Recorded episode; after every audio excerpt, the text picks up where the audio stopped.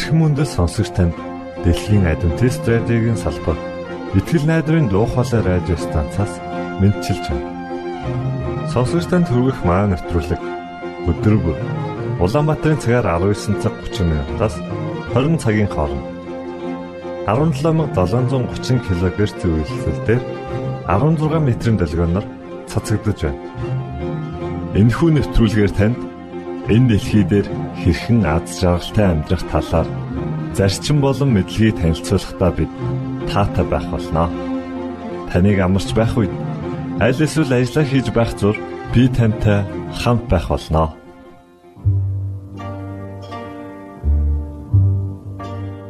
Өнөөдрийн нэвтрүүлгээ бид бяцхан сургамж дүгүүлгээр эхлүүлж таны хайрын бид гисэн Тэнгэрлэг аялгаугаар үргэлжлүүлэх болно.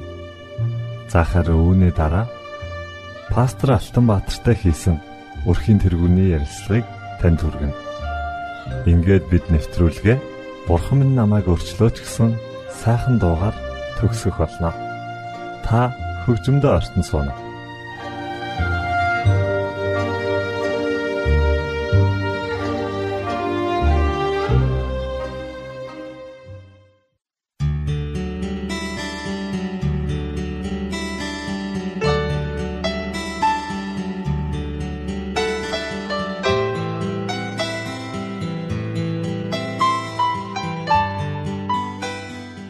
Хайр дуусахад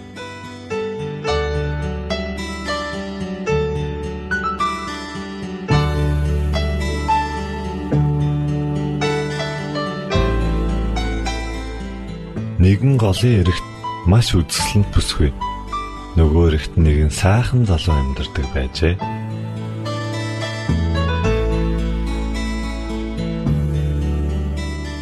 Тэр хоёр бие биедээ хайртай болсон байлаа залуу орой болгон гол гатлан нөгөө эрэг дээр амьдардаг бүсгүүдээрээ очдог байв.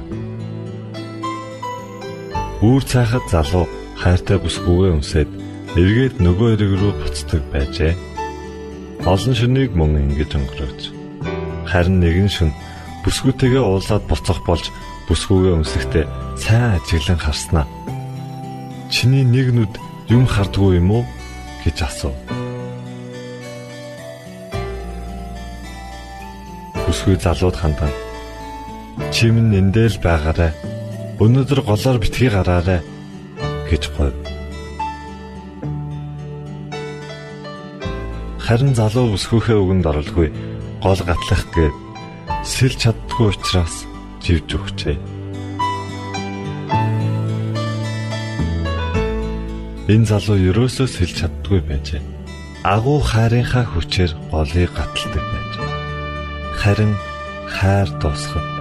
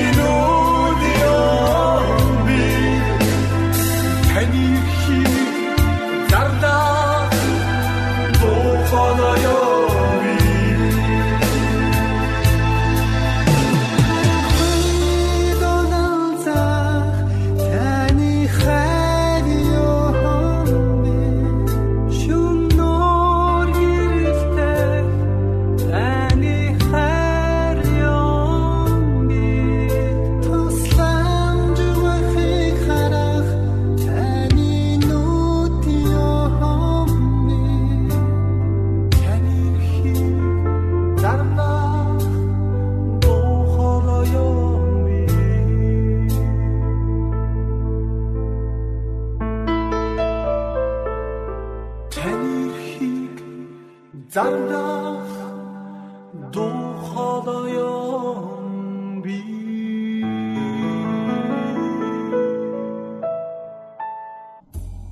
бацгаана уу эрхэм мөнд сонсогчдоо. Өнөөдөр бид өрхийн тэргүүний талаар ярьж байгаа. Тэгээд Баянхаар сүмийн пастор Тун Батрахтай уулзаад байна. Ингээд бас өрхийн тэргүүн өрх гэр бүл гэдэг сэдвийн талаар ярилцах чинь. За сайн байна уу та та юуны төрөнд өөрийгөө танилцуулна.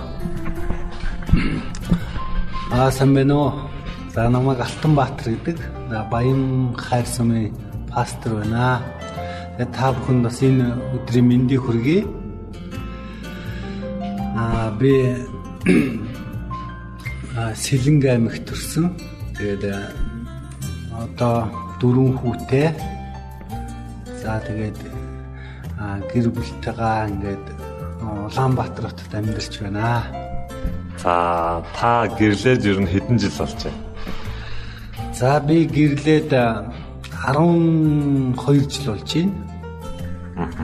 Тэгэхээр миний өнөөдрийн ярих чагаа сэдв болохоор өрхийн тэргүүн гэсэн сэдв байгаа. Тэгэхээр та бас энэ сэдвийн талаар юу гэж боддгоо? Ар гэрийг ер нь хэн толгойлж явдгоо? Ямар үүрэг хүлээдгүү гэдэг талаар та бас товчхон дуртаач. За би өрхийн тэргүүн гэдэг одоо нэр бол надад ер нь бол айгүй таалагдж байна энэ нэр. Тэгэхээр би а эр хүн, аав хүн, одоо эцэг хүн бол гэрээр ярих юм бол одоо гэрийн бүслүүр гэсэн үг. Одоо нэг гэр бүлийн эв нэгдлийг одоо хамгаалж яадаг. Тэгээ бүслүүргүй гэр бол салхи гарахад норж ундаг. Тэгээд ямар ч эв хавгүй байдаг Тэгээд ер нь бол нурж унахад амархан байдаг учраас би өрхийн тэргүүнийг одоо гэрийн бүслүүр гэж үздэг. Тэгэхээр одоо гэр бүлээ нэгтгэдэг эхнэр хүүхэдтэй одоо зөвлөж хайрлж хамгаалж байдаг гэр бүлийнхаа одоо ямарваа нэгэн асуудлыг шийдэхэд нь маш ухаалгаар ханддаг байх хэрэгтэй. Тэгээд хүүхдүүдтэй үлгэр дуурайл болсон эхнэрээ одоо сонсдог, хайрладаг одоо ийм л хүн байх хэвээр зөвхөн одоо материалын талаар нь хангаал яваад идэг одоо хүнийг бол өрхийн тэргүүн гэж хэлэхгүй. Одоо маш олон гэр бүлд хэрэгцээ байдаг. Хүүхдийн хэрэгцээ, эхнэрийн хэрэгцээ тэр бүгдэд одоо идэвхтэй оролцдог, тэрийг зохицуулж шийдвэрлэдэг. За ийм л хүн байх хэрэгтэй хаа гэж бодож байна. За баярлалаа. Тэгэхээр э, одоо орчин үеийн нийгэмд бас нэг ийм хандлага гарч ирэх шиг байна. Аа өрх толгоос эмгтээч гэдэг юм уу те. За эмгтээчүүд бас эрх тэгш гэж ярьж байна шүү. Гендрийн эрх тэгш байдал гэж тийм үү. Тэгэхээр э, зарим эмгтээчүүд яагаад өнөөдөр би өрхөө тэргүүлж явж болохгүй юм. Яагаад гэвэл би ажиллал би ажил хийж байна, мөнгө олж байна те. Эрэгтэй хүнээс хамаагүй илүү байна гэж зарим хүмүүс бас яриад байна. Тэгэхээр өрхийн тэргүүн гэдэг нь заавал эрэгтэй хүн байх хэрэгтэй юм уу, эмэгтэй хүн байх хэрэгтэй юм уу? Энийн тал дээр та юу гэж бодож байна? За энэ маш чухал асуулт байна. Тэгээ би одоо яг ингээд сүүлийн үед ингээд энэ гэр бүлүүдийг ингээд ажиглаж яхад ерөнхийдөө нэг ийм зүйл болчиход байна. Манай монголчууд эрэгтэй хүүхдийг болохоор за ингээл нэх боловсралд нь анхаарахгүй өөрийнхөө мэрэгжлийг тулгадаг ч юм уу тий тэгэл ер нь бол тэгэл малчин засварчин жолооч гэдэг юм уу тэгээ нэг энгийн хар бор ажлыг одоо хийгээл амьдрчин гэж боддог. Тийм учраас нь боловсралт нь сургуульд нь анхаардаггүй. За эмэгтэй хүүхдийг болохоор айгүйх анхаардаг. Тэгээ одоо яг нийгэмдэр ингээд гэр бүлүүдийг харж байхад эхнэрүүд эмэгтэй хүн маш их боловсралтай байна.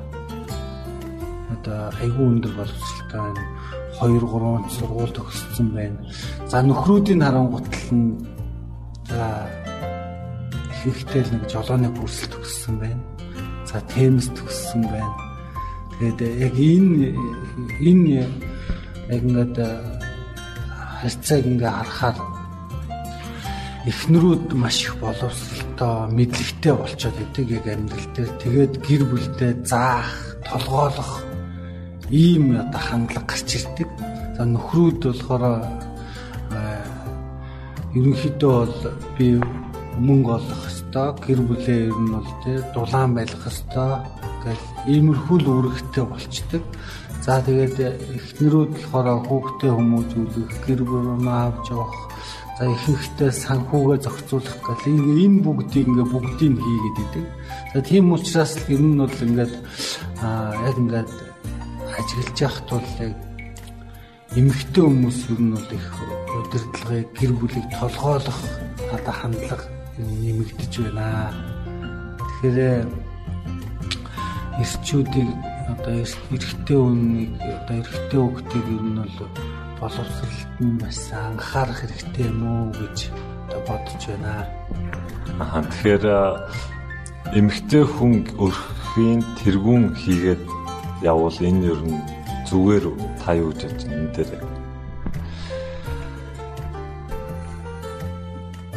дээр үес манай монголчууд бас ингэж ярьдаг байсан юм аа. Ер нь бол одоо худ ураг болоход удмын хар гэдэг байсан. Тэгэд юу гэдэг вэ гэхээр за энэ бол удам сайтай, энэ бол айгүй тийм сайхан амьдарч исэн гэр бүлийн одоо хүүхэд учраас за энэ хүнтэй хүүхдээ суулгаж худ ураг болоход ер нь бол зохимжтой гэдэг. Тэгээ энэ яг юу харж ирсэн бэхээр манай монголчууд дээрээс одоо нүүдлийн амьдралтаа дээр нь гэрт амьдарч исэн. За гэрт амьдрнаа гэдэг бол ерөнхийдөө бол одооны энэ олон өрөөтэй тий нийгэм олон өрөөтэй айл нийгмээс шал өөр. Яг үгээр нэг гэрт амьдарч байгаа гэр бүл чинь бол аав ээжийнхэн юу хийж исэн яаж яасан тэрийг бүр ингээд амьдралынхаа туршид багаасаа мэдээ орсон цагаасаа сураад бүх зүйлийг сураад ерөөсөө л эцэгхээ дуурайгаад тэр нь сургууль амьдралынхаа сургууль. За одоо бол ерөөсөө том одоо тий сайдын хүүхэд гэтэл гэр бүлийн харилцаа байхгүй нь гэртээ орж ирлээ өрөөндөө орлоо хаалгаа төгслөө компьютер харцуулаа хоол хоол боллоо очил хоол аяглалаа өрөөндөө ороод түгжлээ гэр бүлийн уур амьсгал харилцаа ойлголцол э, ярилцлага одоо тэр бүх харилцаа ерөөсөө ингээд хаалттай болчихд. Тэгээ би энэ дээрээс яг юу дүгнж хэлгээд байна гэхээр а эмэгтэй хүн бол ингээд гэр бүлийг ингээд удирдаад ингээд явна гэдэг бол айгүй хэцүү. Ер нь бол анханасаа бол ингээд эрэгтэй эмэгтэй хоёр хүн бол хоёулаа ингээд хамтдаа ингээд гэр бүлийг удирдах хэвээр. Тэгээд ер нь бол ингээд өрхийн тэргүүн гэдгээр нь эр хүн эр хүний ноён нуруу алсын хараа гэдэг бол өөр үйдэг. Тэгээ манай ихнэр ярьдаг байхгүй. Битээр тэгэл өндөр өндөр уулан дээр гараад тэгээ буухтаа би яг уулан дээр гарчаал доошоо буухтаа ингээд тэрүүгээр буугаад тэгж яваа тэр гудмаар ороод ингэж юм бүгдийг харчаа буудаг байхгүй. За манай ихнэр болохоор яг ингээд зөвхөн буух шатаа хардаг байхгүй. Уулнаас зөвхөн уулны ёроол төрхөө хараад. Тэгээ дараа нь надад магадгүй намайг магтаж урамшуулж байгаа ч юм уу эрчүүдийн хараа бас өөр эд юм байна. Чи яг ингээд аль гудмаар ороод яг хаагуур яваад гэртээ очихоо уулан дээрээс харцсан байна. Би болохоор зөвхөн л уулын бэлд буугаа одоо харсан юм а гэж хэлжсэн. Тэгээ энүүгээр энэ цаанаасаа одоо тий төрлөхөөсөө тий эр хүн бол ер нь бол тийм алсыг хардаг. Тэгээд ер нь бол юмд их нухацтай ерөнхий одоо зүйлийг ер нь бол ярьдаг ийм л хүмүүс байдаг.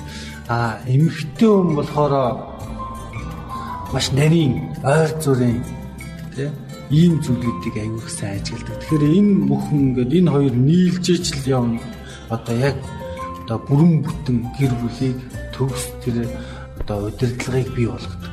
Тэгээ яг одоо би бол яг ингээд эхнэр удирдах хэвээр нөхөр удирдах хэвээр гэж ярмааргүй.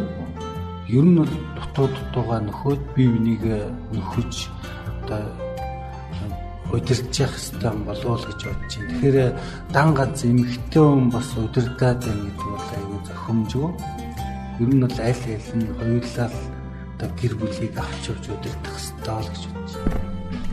За тэгэхээр саяны ярилцлаган дээрээс бас дүгнэх юм бол эрэгтэй хүнд өөрийн гэсэн үүрэг байна, тэ?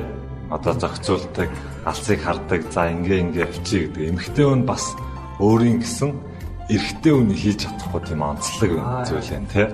Эмэгтэй хүн бас яг тэр үүргээ зохицуулаад явдаг. Тэгээ эрэгтэй эмэгтэй хүн хоёр хоёулаа тэр үүргээ биелүүлээд явхад яг тэр төгс гэр бүлийн харилцаа гэр бүлийн удирдлага гэдэг зүйл гарч ирдэг байна. За тэгэхээр ярьцлах гэсэн танд баярлалаа. За тэгээ та бүхэнд амжилт хүсье. За баярлалаа.